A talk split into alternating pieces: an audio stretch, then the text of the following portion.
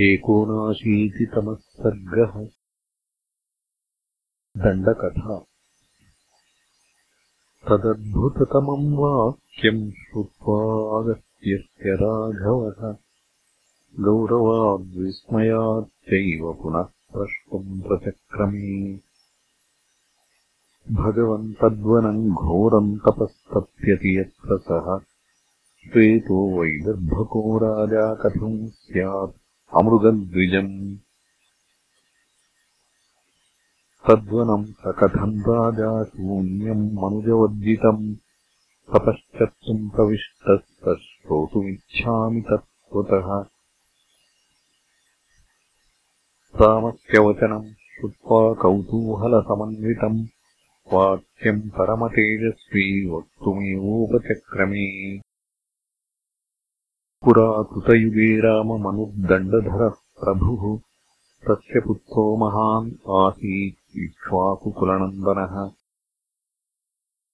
तम् पुत्रम् पूर्वकम् राज्ये निक्षिप्य भुवि दुर्जयम्। पृथिव्याम् राजवंशानाम् भवकर्तेत्युवाच तथेशितप्रतिज्ञातम् पितुः पुत्रेण राघव ततः परमसन्तुष्टो मनुः पुत्रमुवाच। प्रीतोऽस्मि परमोदारत्वम् कर्तासि न संशयः। दण्डेन च प्रजारक्षमाति दण्डम्मकारणे अपराधिषु यो दण्डः पाच्यते मानवेषु वै। स दण्डो विधिवन्मुक्तः। स्वर्गम् नयति पार्थिवम् तस्माद्दण्डे महाबाहो यत्नवान् भव पुत्रक धर्मो हि परमो लोके कुर्वतस्ते भविष्यति। इति तम् बहुसन्दिश्य मनुः पुत्रम् समाधिना जगामत्रिदिवम् हृष्टो ब्रह्मलोकम् सनातनम्। प्रयाते त्रिदिवन्तस्मिन् इक्ष्वाकुरन्तप्रभः जनयिष्ये कथम् पुत्रान्निति चिन्तापरोऽभवत् कर्मभिर्बहुरूपैश्च तैस्तैर्मनुसुतः सुतान्। जनयामास धर्मात्मा शतम् देवसुतोपमान्। तेषाम् अवरजस्तात सर्वेषाम् रघुनन्दन। मूढश्चातृतविद्यश्च न शुश्रूषति पूर्वजान्। नाम तस्य च दण्डेति पिता चक्रे अल्पमेधसः। अवश्यम् दण्डपतनम् शरीरे यभविष्यति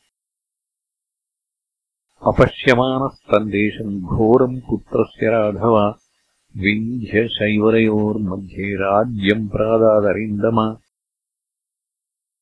सदण्डस्तत्र राजाभूत्रम् ये पर्वतरोधसि। पुरम् चाप्रतिमम् राम न्यवेशयदनुत्तमम् पुरस्य चाकरोन्नाम मधुमन्तमिति प्रभो पुरोहितम् तूषणसम् वरयामास सुव्रतम्। एवम् स राजा तद्राज्यम् अकरोत् स पुरोहितः प्रहृष्टमनुजातीर्णम् देवराज्यम् यथा वृषा ततः स राजामनुजेन्द्रपुत्रः सार्धम् च तेनोशनसा तदानीम् चकारराज्यम् सुमहन्महात्मा शक्रो दिवीवोशनसा समेतः। इत्यार्षे श्रीमद्रामायणे वाल्मीकीये आदिकाव्ये उत्तरकाण्डे एकोनाशीतितमः सर्गः